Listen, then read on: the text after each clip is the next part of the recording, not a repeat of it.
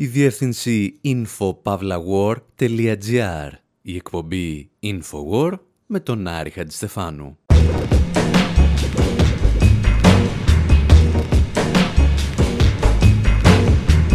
όπου σήμερα αναζητούμε κατόπιν συναυλιακής εορτής την πολιτική καρδιά της PJ Harvey. Την συναντάμε να ταξιδεύει άλλοτε με τους στίχους της και άλλοτε κυριολεκτικά από το Αφγανιστάν μέχρι τον Κουαντάναμο και από το Κωσυφοπαίδιο μέχρι τα σύνορα της Ελλάδας με την πρώην Γιουγκοσλαβική Δημοκρατία της Μακεδονίας. Ακούμε ιστορίες για 28.000 στρατιώτες και 28.000 παιδιά τα οποία θα μπορούσαν να ζουν στην Καμπούλ ή στην Ουάσιγκτον. Και ύστερα αλλάζουμε θέμα και βάζουμε πολιτικές φωτιές γύρω από κάποιο γήπεδο. Χαιρετίζουμε την απόφαση των Γάλλων απεργών να αδιαφορήσουν για το Ευρωπαϊκό Πρωτάθλημα Ποδοσφαίρου. Θυμόμαστε όταν κάτι Βυζαντινοί τα έκαναν λαμπόγιαλο κατά τη διάρκεια των δικών τους μεγάλων αγώνων και ύστερα αναζητούμε ομοιότητες στην Καταλωνία του σήμερα αλλά και στο Μεξικό του 1986. Ένα αρχή όμως, PJ Harvey.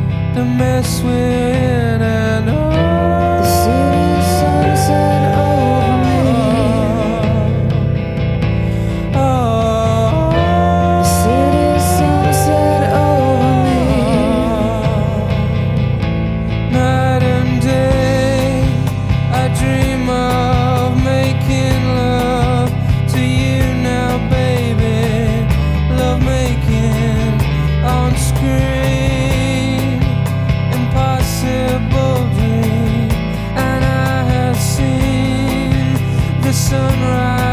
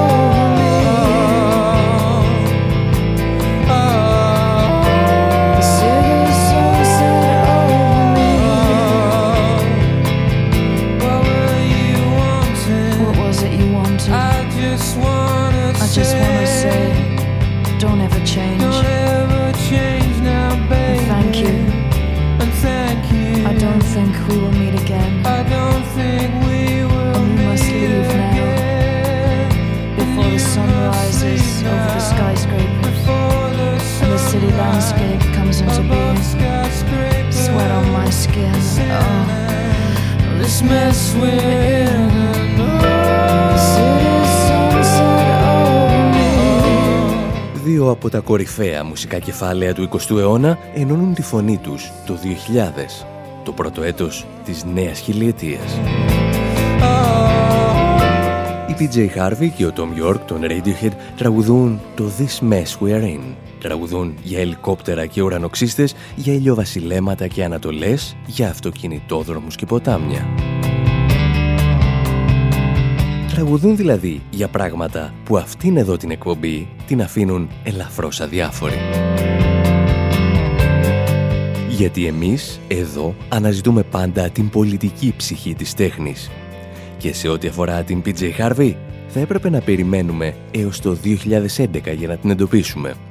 Τη χρονιά που κατάλαβε ότι όπως μας είχε διδάξει και ο Πικάσο, η τέχνη είναι ένα όπλο για τη μάχη. Είναι η χρονιά που κυκλοφορεί το άλμπουμ Let England Shake και όλα πλέον είναι συνειδητά.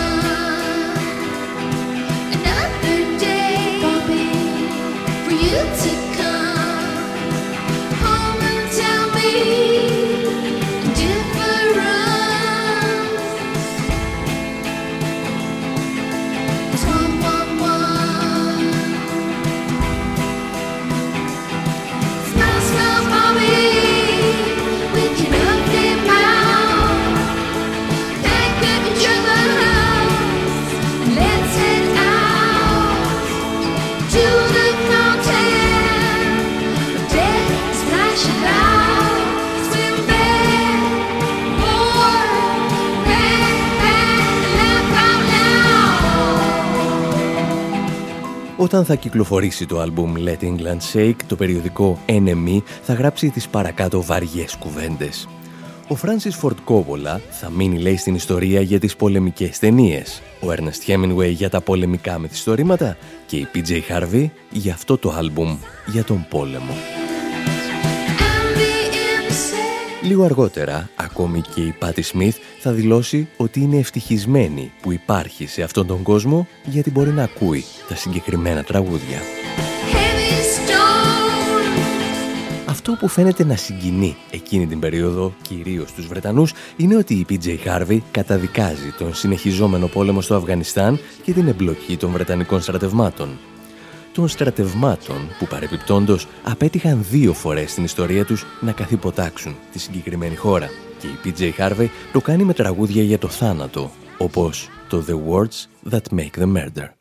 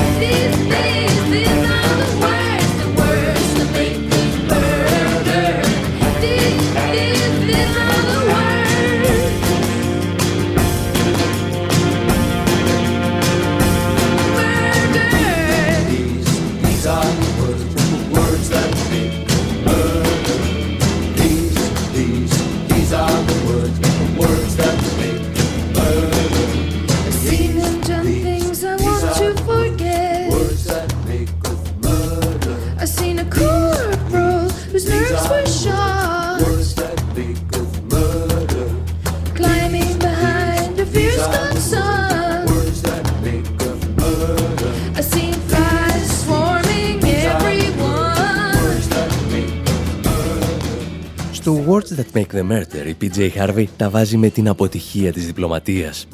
Περπατάει, λέει, σιγά ανάμεσα στα πτώματα στρατιωτών που πολέμησαν στο Αφγανιστάν. Κοιτάζει τα δέντρα από τα οποία κρέμονται ανθρώπινα μέλη και αναρωτιέται σαρκαστικά «Μήπως πρέπει να πω τα προβλήματά μου στον ΟΗΕ»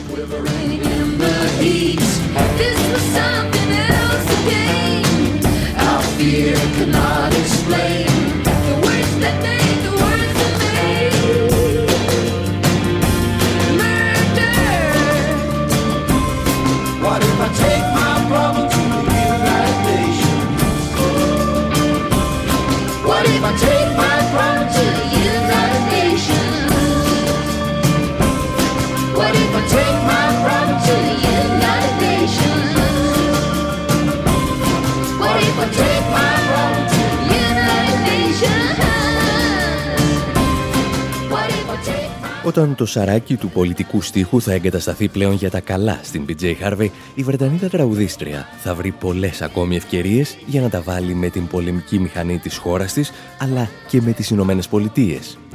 Και έτσι, το 2013 επιστρέφει με ένα τραγούδι για τον Σάκερ Άμερ.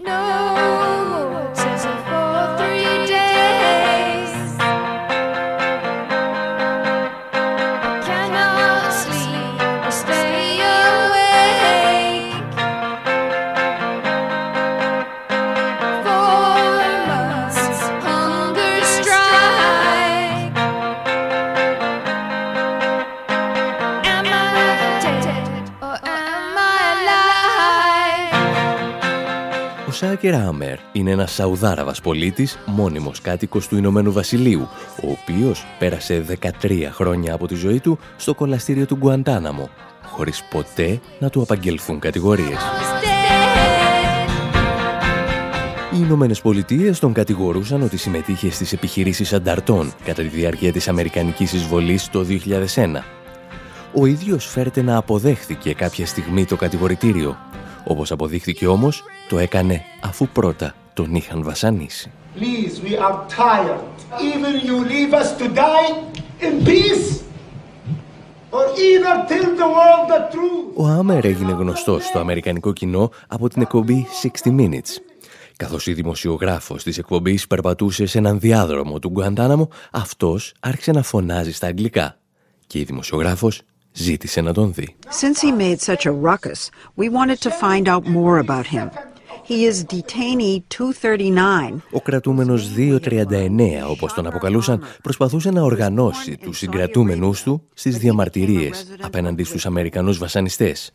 Και γι' αυτό το λόγο πέρασε το μεγαλύτερο τμήμα της ποινής του στην απομόνωση.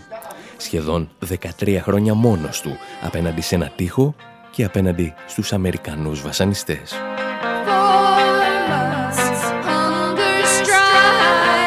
PJ Harvey τραγουδά για μια άλλη πτυχή της περιπέτειάς του και ένα πολύ συγκεκριμένο τμήμα των βασανιστήριων. Όπως και δεκάδες άλλοι κρατούμενοι στον Κουαντάναμο, ο Σάκερ Άμερ προχώρησε σε απεργία πείνας. Και κάποια ανθρωπόμορφα κτίνη που φέρουν τον τίτλο του γιατρού του επέβαλαν αναγκαστική σύντηση.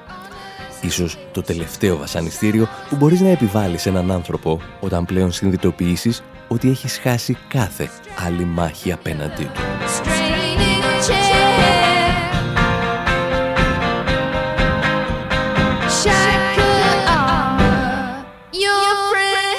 Με το τραγούδι της για τον Σάκερ Άμερ, λοιπόν, η PG Harvey περνά ακόμη πιο δυναμικά στο χώρο του πολιτικού στίχου και έχει έρθει η σειρά του άλμπουμ The Hope Six Demolition.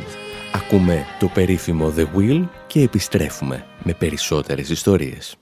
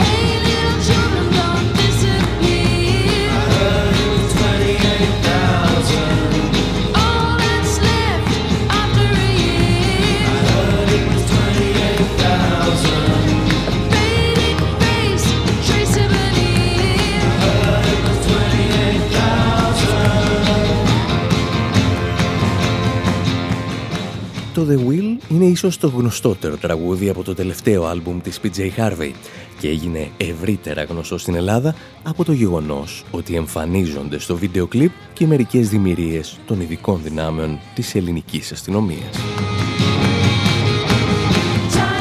Το τραγούδι περιγράφει τις συνθήκες που επικράτησαν στο Κωσυφοπαίδιο ύστερα από τους Αμερικανονατοικούς βομβαρδισμούς του 1999 την ίδια στιγμή όμως προλαβαίνει να δέσει σε αυτό το δράμα και το δράμα των προσφύγων που περνούν από την Ελλάδα αναζητώντας καταφύγιο στην Ευρώπη. Η PJ Harvey διηγείται την ιστορία της με τη βοήθεια του φωτογράφου και σκηνοθέτη Σίμους Μέρφυ, ο οποίος θα παρουσιάσει ένα από τα πιο ενδιαφέροντα βίντεο κλιπ που έχουμε δει τις τελευταίες δεκαετίες.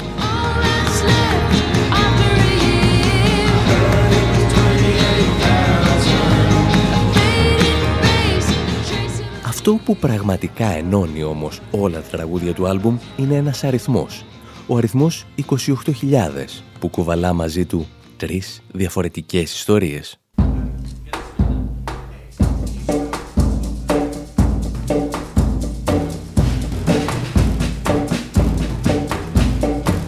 «28.000 ήταν ο αριθμός των στρατιωτών που είχε προγραμματίσει να αναπτύξει το ΝΑΤΟ στο Κωσυφοπαίδιο. 28.000 ήταν επίσης ο αριθμός των ανήλικων παιδιών που εργάζονταν στους δρόμους της Καμπούλ, στο Αφγανιστάν, μετά την εισβολή. Και 28.000 ήταν ο αριθμός και των ανήλικων που σκοτώθηκαν από πυραβόγλα όπλα στις Ηνωμένες Πολιτείες στο διάστημα από το 2001 έως το 2012. Και εδώ ακριβώς βρίσκεται το καλά κρυμμένο μυστικό του συγκεκριμένου άλμπουμ φέρνει κοντά τα θύματα από τρία διαφορετικά θέατρα επιχειρήσεων. Το Αφγανιστάν, το Κωσυφοπαίδιο και τους δρόμους των Αμερικανικών μεγαλοπόλεων. Και σε αυτό το τελευταίο πολεμικό μέτωπο αναλαμβάνει να μας ξεναγήσει η PJ Harvey και με το τραγούδι The Community of Hope.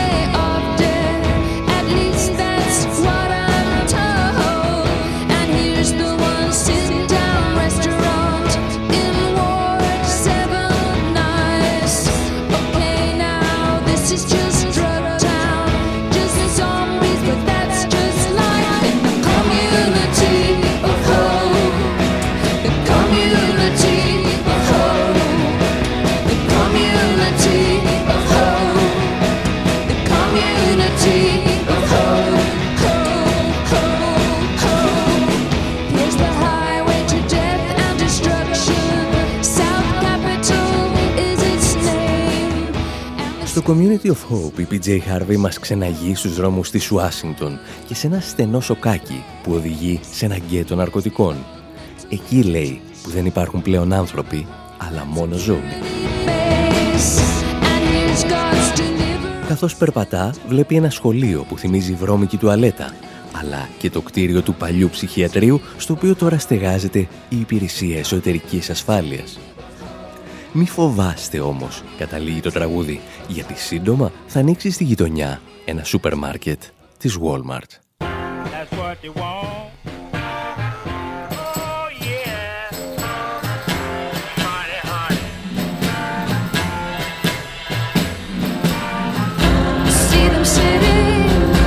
Και με αυτές τις πολιτικές ιστορίες για την PJ Harvey φτάσαμε στη μέση περίπου της εκπομπής.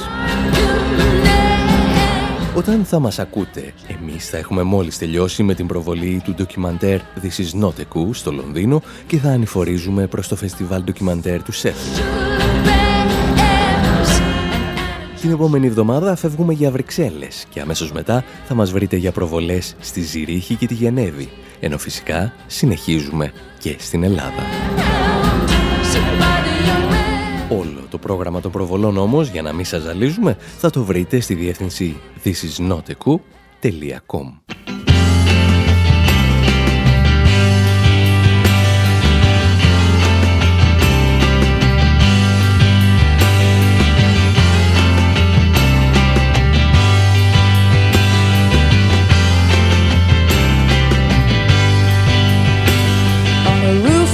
in Brooklyn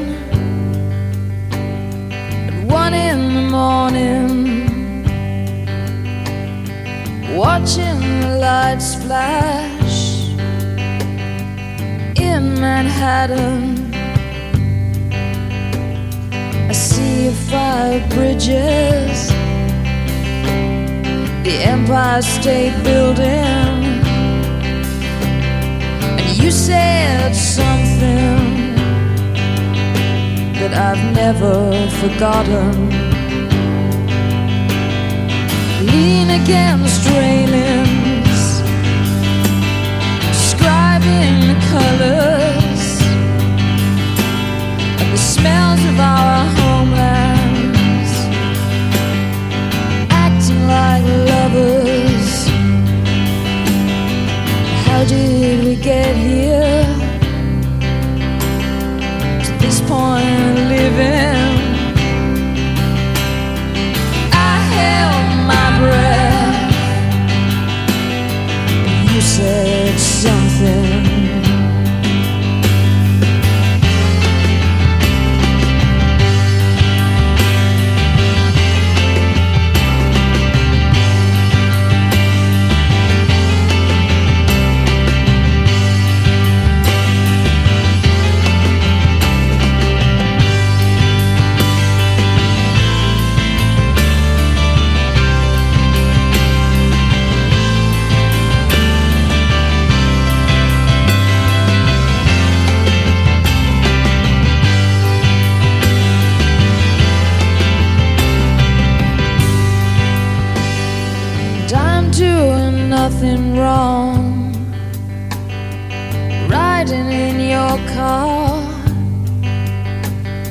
Your radio playing.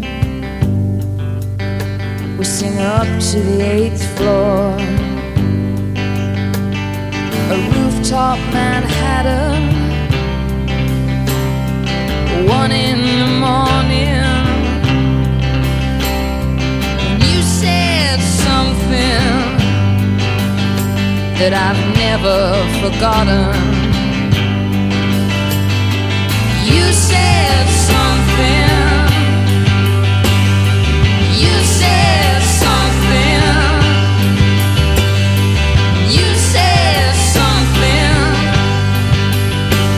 Was really important.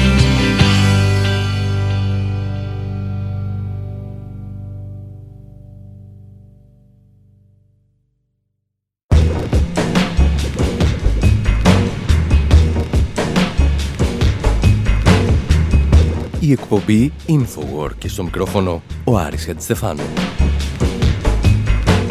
Όπου με αφορμή την απόφαση των Γάλλων εργαζομένων να συνεχίσουν τις κινητοποιήσεις τους αδιαφορώντας ως όφυλαν για το Euro 2016, θυμόμαστε μερικές ακόμη στιγμές της ιστορίας όπου η μπάλα πεζόταν έξω από τα γήπεδα.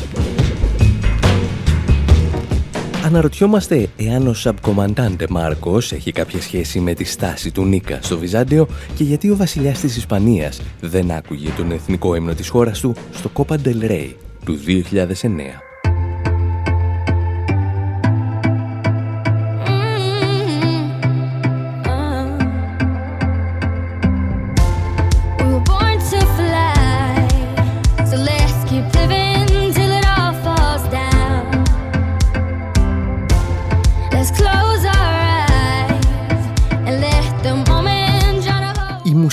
Μουσική αηδία που ακούτε είναι η επίσημη επιλογή για το Euro 2016. Hear our hearts beat. Και θα ήταν από μόνη της ένας επαρκέστατος λόγος για να μποϊκοτάρεις τη διοργάνωση και να βάλεις φωτιά στο Παρίσι. Μόνο που οι Γάλλοι είχαν και πολύ σοβαρότερους λόγους για να τα κάνουν όλα αυτά. Κινητοποιήσεις στη Γαλλία συνεχίζονται απέναντι στην εργασιακή μεταρρύθμιση που πέρασε ο Ολάντ με ένα μίνι κοινοβουλευτικό πραξικόπημα και μια πισόπλατη μαχαιριά στην πέμπτη γαλλική δημοκρατία. Και το τελευταίο πράγμα που φάνηκε να ενδιαφέρει τους απεργούς είναι εάν κάτι εντεκάδες ανδρών με σορτσάκια θα παίζουν το τόπι τους στο γρασίδι. Και αυτή η φαινομενική αδιαφορία είναι μια παράδοση με ιστορία αιώνων.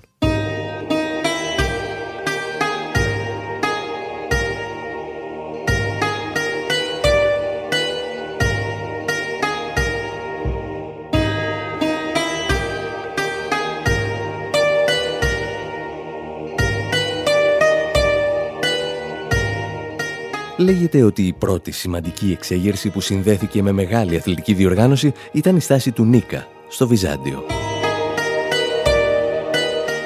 Όπως και σε κάθε αντιδραστικό, θεοκρατικό καθεστώς που αποτελεί προσβολή για τον ανθρώπινο πολιτισμό, έτσι και στο Βυζάντιο οι αθλητικές εκδηλώσεις ήταν μια μοναδική ευκαιρία για τους ανθρώπους να συνευρεθούν και να ξεκινήσουν μια εξέγερση. Το ίδιο ακριβώς συμβαίνει σήμερα σε αρκετά αυταρχικά καθεστώτα της Μέσης Ανατολής, όπου το τέμενος και το γήπεδο δεν εκπροσωπούν απλώς το όπιο του λαού, αλλά και τη σπίθα που μπορεί να βάλει φωτιά σε μια απόλυτα πολιτική και ταξική μολότοφ. Στην περίπτωσή μας, για να γυρίσουμε στην ιστορία μας, η στάση του Νίκα ξεκίνησε στις 13 Ιανουαρίου του 532. Το γήπεδο επιτέθηκε τότε στο παλάτι, το οποίο έμεινε πολιορκημένο για τουλάχιστον πέντε ημέρες. Έκτοτε τα παλάτια φοβούνται τα γήπεδα και ένας από τους τελευταίους βασιλιάδες που το κατάλαβαν ήταν ο Χουάν Κάρλος της Ισπανίας. Μια ιστορία που αν θυμάστε είχαμε απαλωτρεώσει από το βιβλίο του Διονύση Ελευθεράτου «Εξουσία, την μπάλα παίζεις».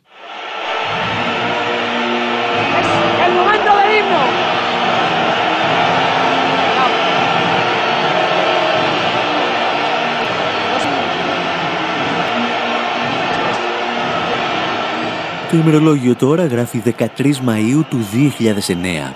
Η καταλανική Μπαρτσελώνα συναντά την βασκική Ατλέτικο Μπιλμπάο για τον τελικό του Copa del Rey στην Ισπανία.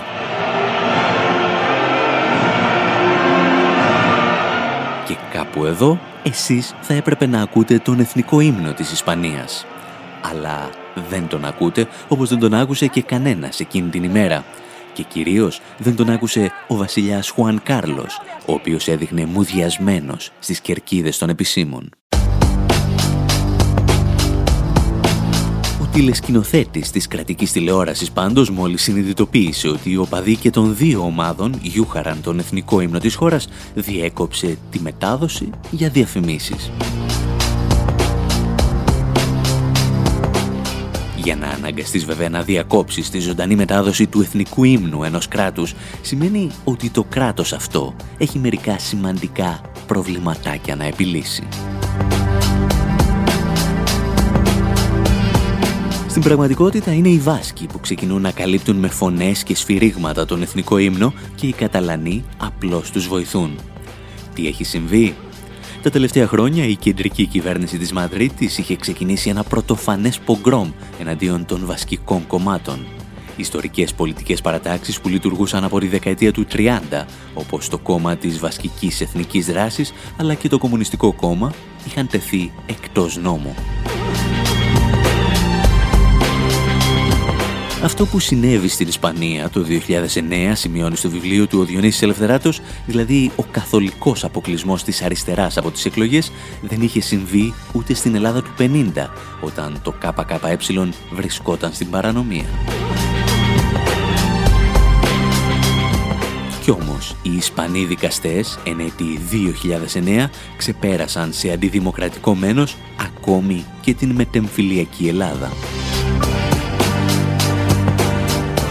Η κεντρική κυβέρνηση της Μαδρίτης πιστεύει ότι μπορεί με απαγορεύσεις να καθυποτάξει τις αυτονομιστικές τάσεις των Βάσκων. Φαίνεται στην κυβέρνηση δεν είχαν δει εκείνο το ντοκιμαντέρ για τη χώρα των Βάσκων που είχε ετοιμάσει το 1955 ο Όρσον Welles. Ένα από τα πρώτα ταξιδιωτικά αλλά και πολιτικά ντοκιμαντέρ της ιστορίας. Κυρίες και κύριοι, πίσω από την κάμερα βρίσκεται ο Orson Welles. Μια κάμερα που για αυτό το πρόγραμμα θα εστιάσει σε μια ξεχασμένη γωνιά της Ευρώπης, τη χώρα των Βάσκων. To this day he speaks his own weird language. Ακόμη και σήμερα στη χώρα των Βάσκων μιλούν τη δική τους περίεργη γλώσσα. Μια γλώσσα της ρίζης της οποίας δεν κατάφερε να εντοπίσει κανένας ειδικός. Για το καθεστώς του στρατικού Φράγκο αυτή η γλώσσα είναι παράνομη. Είναι σαν προδοσία να τη μιλάς. Οι Βάσκοι όμως παραμένουν Βάσκοι, αν και μιλάνε τη γλώσσα της ισπανικής πλευράς.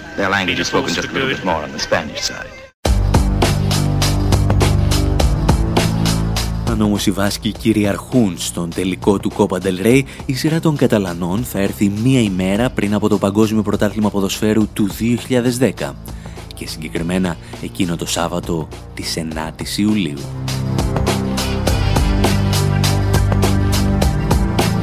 Έξαφνα, ένας αόρατος θείασος ενός εκατομμυρίου ανθρώπων συγκεντρώνεται στο κέντρο της Βαρκελόνης και η κεντρική κυβέρνηση στη Μαδρίτη, σαν έτοιμη από καιρό, σαν θαραλέα, καλείται να αποχαιρετήσει την εθνική ενότητα που χάνει.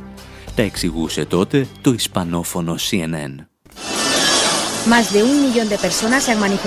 Περισσότεροι από ένα εκατομμύριο άνθρωποι συγκεντρώθηκαν σύμφωνα με την αστυνομία στο κέντρο της Βαρκελόνης, διαμαρτυρώμενοι για την απόφαση του Ανώτατου Δικαστηρίου για το δικαίωμα αυτοδιάθεσης της Καταλωνίας. Οι διαδηλωτές, φωνάζοντας συνθήματα όπως Είμαστε ξεχωριστό έθνος, εμείς θα αποφασίσουμε, συμμετείχαν σε μια κινητοποίηση ιστορικών διαστάσεων. Στην κεφαλή της πορείας, όπου συμμετείχαν ο πρόεδρος της Καταλωνίας Χωσέ Μοντίγια και ο πρόεδρος του Καταλανικού Κοινοβουλίου Ερνέστ Μπενάχ, βρισκόταν μια καταλανική σημαία στο μέγεθος ενός γηπέδου του τέννη. Οι συμμετέχοντες κρατούσαν σύμβολα της ανεξαρτησίας της Καταλωνίας. Το μεγαλύτερο κόμμα της περιοχής που συμμετείχε στην κινητοποίηση δεν διεκδικεί την ανεξαρτητοποίηση της Καταλωνίας, αλλά ζητά από την κυβέρνηση και την αντιπολίτευση να αντιμετωπίσουν το πρόβλημα που όπως λέει αφορά ολόκληρη τη χώρα.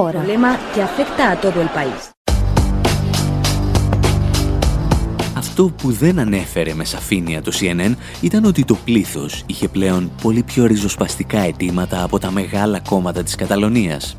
Οι εκπρόσωποι των μεγάλων κομμάτων ζητούσαν αυτοδιάθεση. Ο κόσμος φώναζε πλέον συνθήματα για ανεξαρτητοποίηση.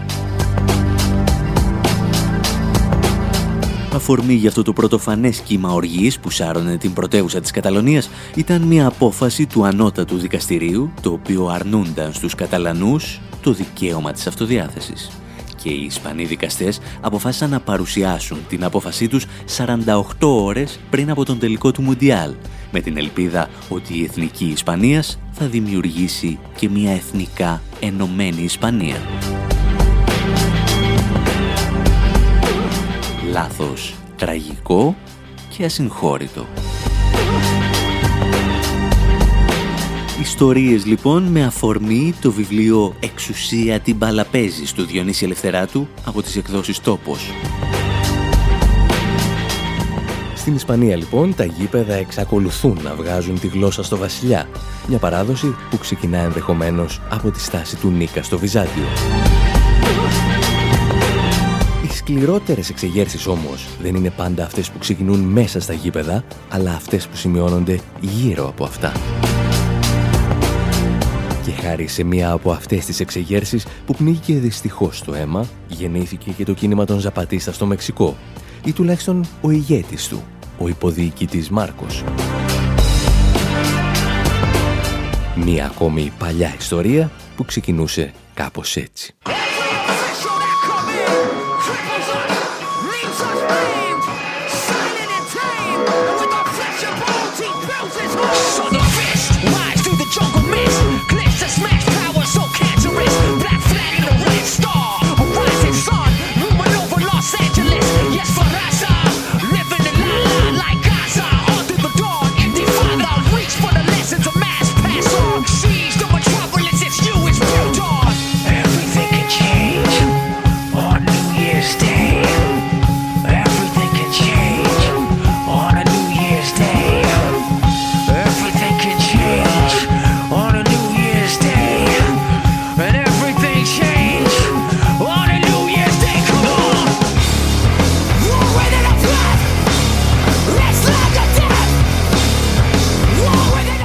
Against the Machine τραγουδούν για μια πρωτοχρονιά, την πρωτοχρονιά του 1994, την ημέρα που κάνει την επίσημη εμφάνισή του ο υποδιοικητής Μάρκος, ο ηγέτης του κινήματος των Ζαπατίστα στο Μεξικό.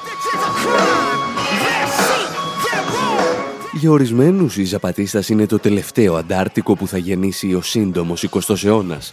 Για άλλους, είναι το πρώτο ένοπλο κίνημα ενάντια στο νεοφιλελευθερισμό. Let us introduce ourselves. We are the Zapatista National Liberation Army. Επιτρέψτε μας να συστηθούμε. Είμαστε ο Εθνικός Απελευθερωτικός Στρατός ο Ζαπατίστα. Για 10 χρόνια ζούσαμε στα βουνά και προετοιμαζόμασταν για πόλεμο. Σε αυτό το στρατό δημιουργήσαμε ένα στρατό. Για τις δυνάμεις που είναι πλέον διεθνώς γνωστές με το όνομα Νεοφιλελευθερισμός, δεν υπήρχαμε, δεν παρήγαμε, δεν αγοράζαμε, δεν πουλούσαμε. Ήμασταν ένα σήμαντο δεκαδικό ψηφίο, μηδενικό στους λογαριασμούς του κεφαλαίου. We were a cipher in the accounts of big capitals.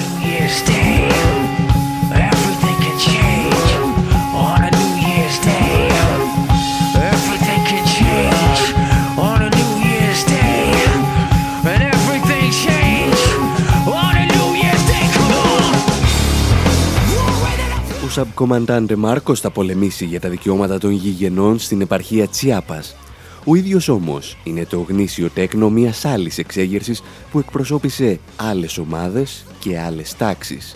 Μιας εξέγερσης που πνίγηκε στο αίμα στην πόλη του Μεξικού.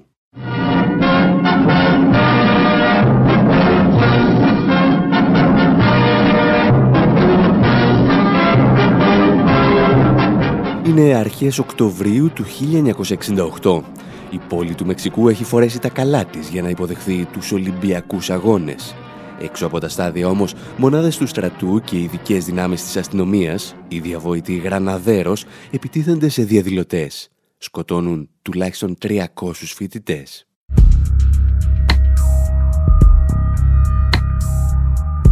Το 2003, καθώς έρχονται στο φως διαβαθμισμένα έγγραφα της CIA, του Πενταγώνου, του FBI και του State Department, γίνεται γνωστός και ο ρόλος της Ουάσιγκτον σε αυτή τη σφαγή.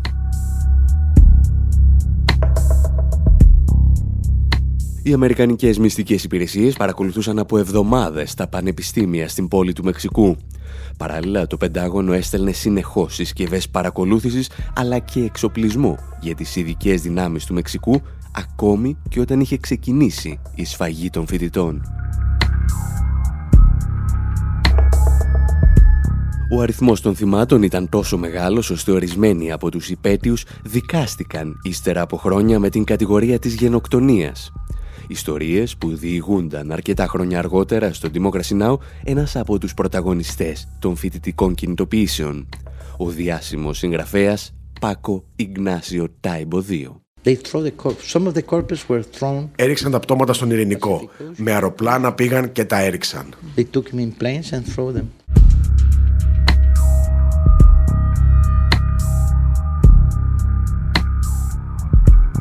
Οι φοιτητές στο Μεξικό που συγκρούονται με την αστυνομία και το στρατό δεν βγαίνουν από τις παραγκουπόλεις.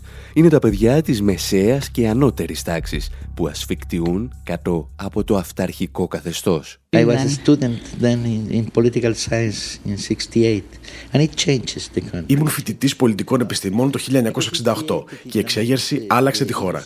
Γιατί έφερε στην επιφάνεια τα μεσαία στρώματα και την ιδέα ότι μπορούμε να αλλάξουμε το Μεξικό. Και έτσι ξεκίνησε μια μάχη που κράτησε 30 χρόνια. So it started a fight that took 30 years.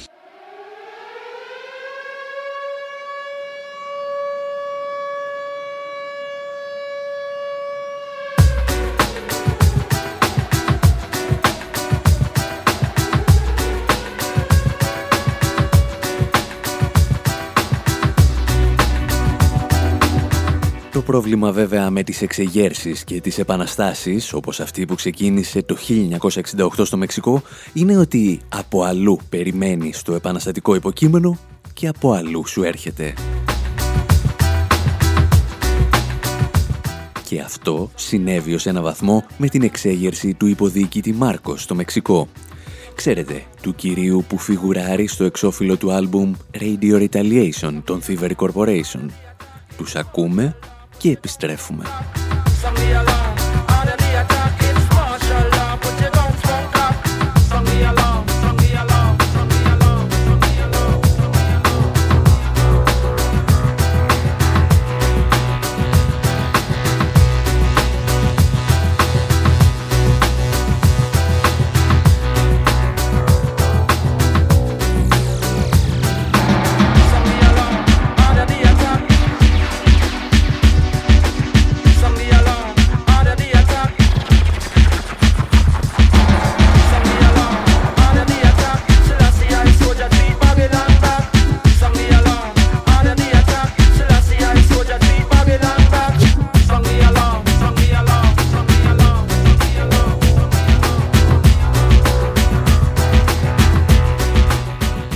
τέτοιες ιστορίες όμως φτάσαμε στο τέλος και αυτής της εκπομπής.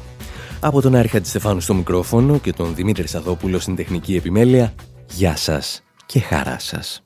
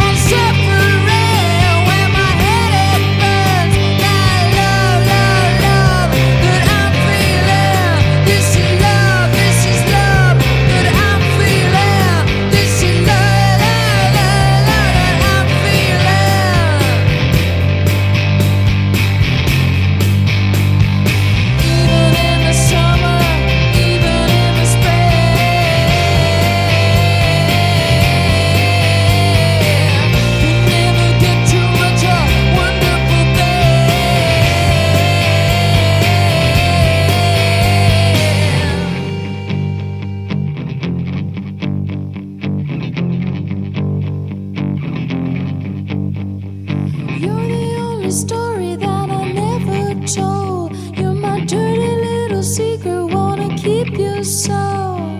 You're the only story that never been told. You're my dirty little secret, wanna keep you so.